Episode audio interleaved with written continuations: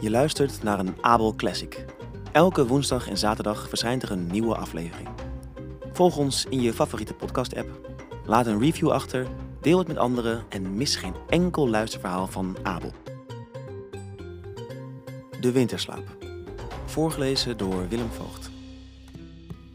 Er was eens hier ver vandaan een stad genaamd Slaapstad.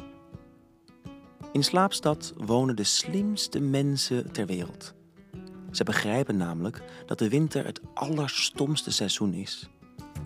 In de winter is er niets te doen. Het is donker, koud en saai. En als je naar buiten gaat, dan moet je altijd een dikke jas aan en een muts op je hoofd doen.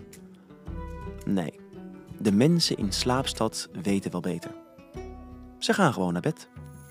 En dan slapen ze de hele winter. Ze dromen de allerzonnigste dromen, terwijl buiten de sneeuw valt en de wind giert.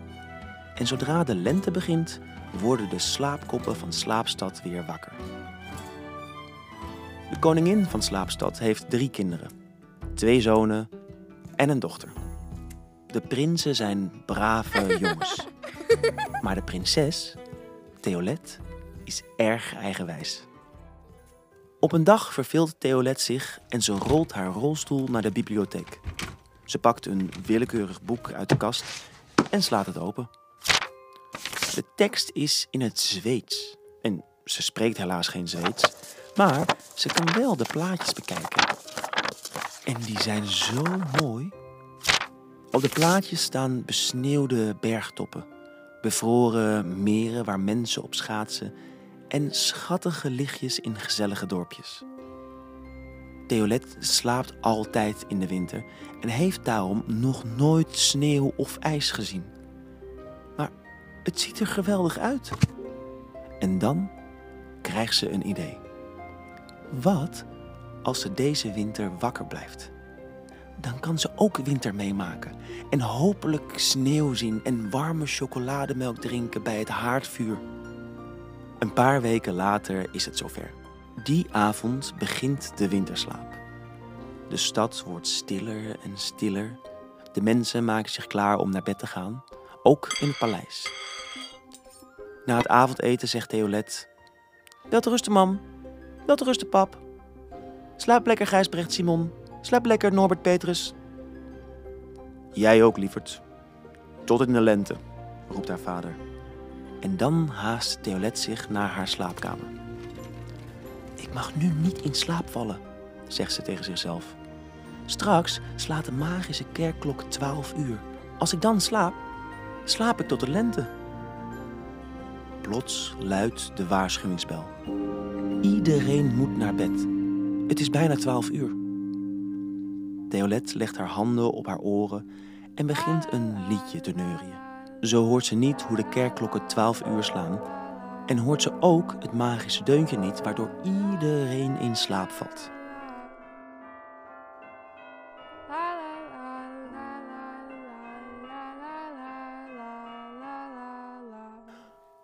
Het is gelukt.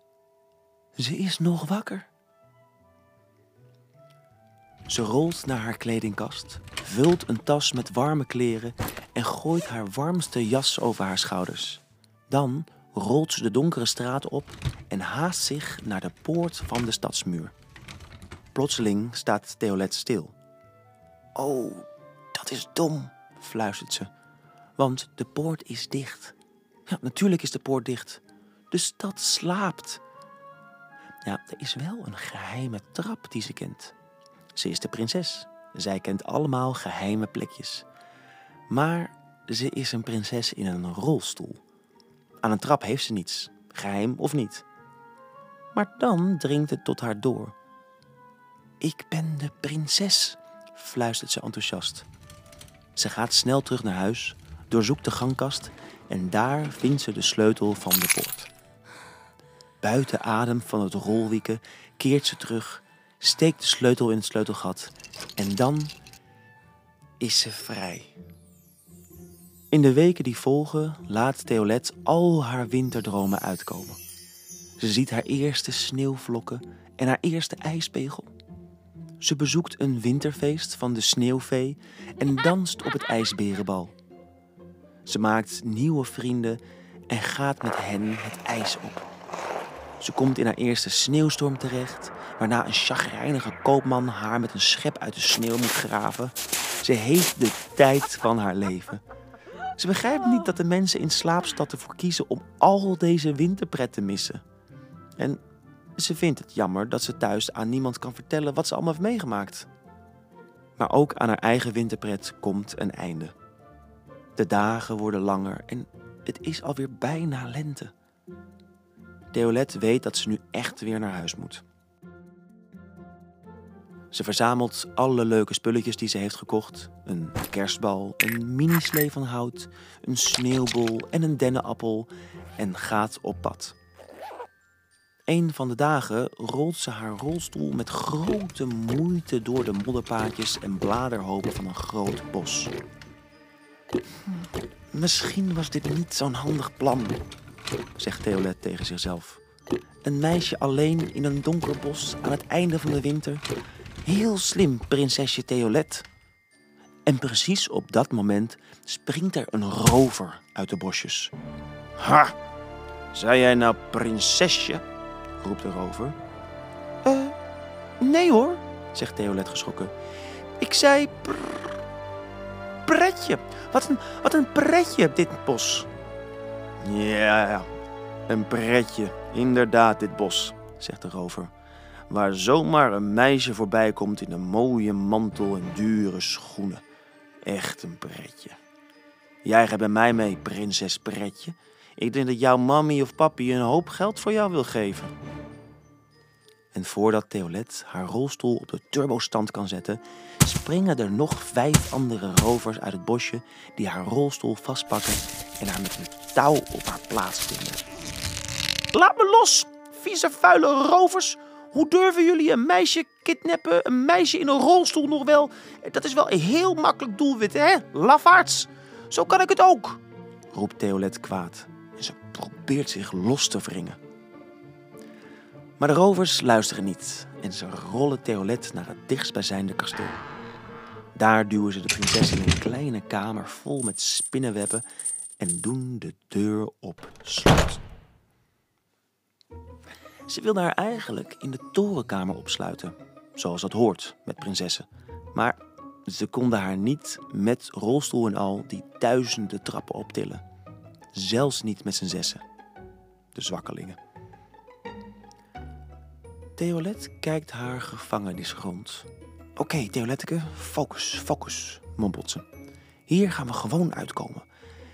Is even zien. Een kast, een bed, een wastafel en een emmer. Wat? Geen invalide toilet? Pardon?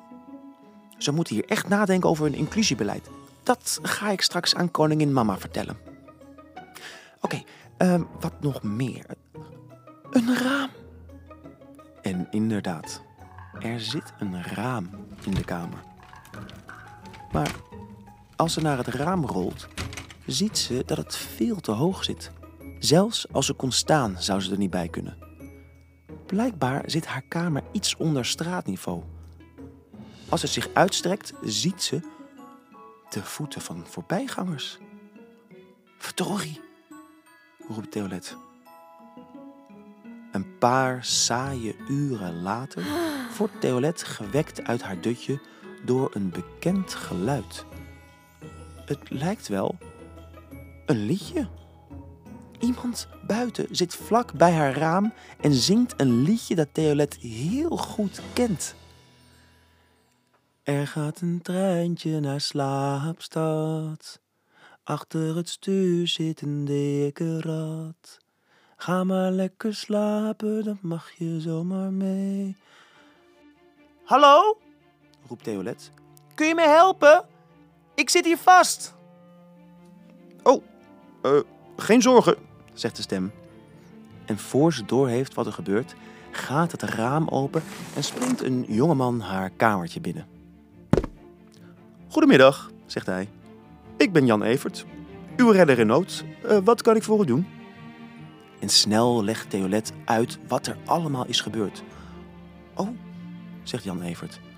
U bent een prinses. Mijn excuses, uw hoogheid, en vergeef mijn slechte manieren. Sorry, maar we hebben geen tijd voor beleefdheden. Kun je me een handje helpen? En Jan Evert weet meteen wat hij moet doen. Hij neemt haar verrassend lief in zijn armen, stapt op de stoel en tilt haar door het raam totdat ze op straat ligt. Vlug kijkt ze om zich heen. Gelukkig is de straat helemaal leeg. Ze werkt zichzelf overeind en pakt haar rolstoel aan die Jan Evert nu opgeklapt door het raam duwt. Dan geeft ze Jan Evert een hand zodat ook hij uit het raam kan klimmen. Zodra ze weer in haar rolstoel zit, rolt ze naast Jan Evert door de straten.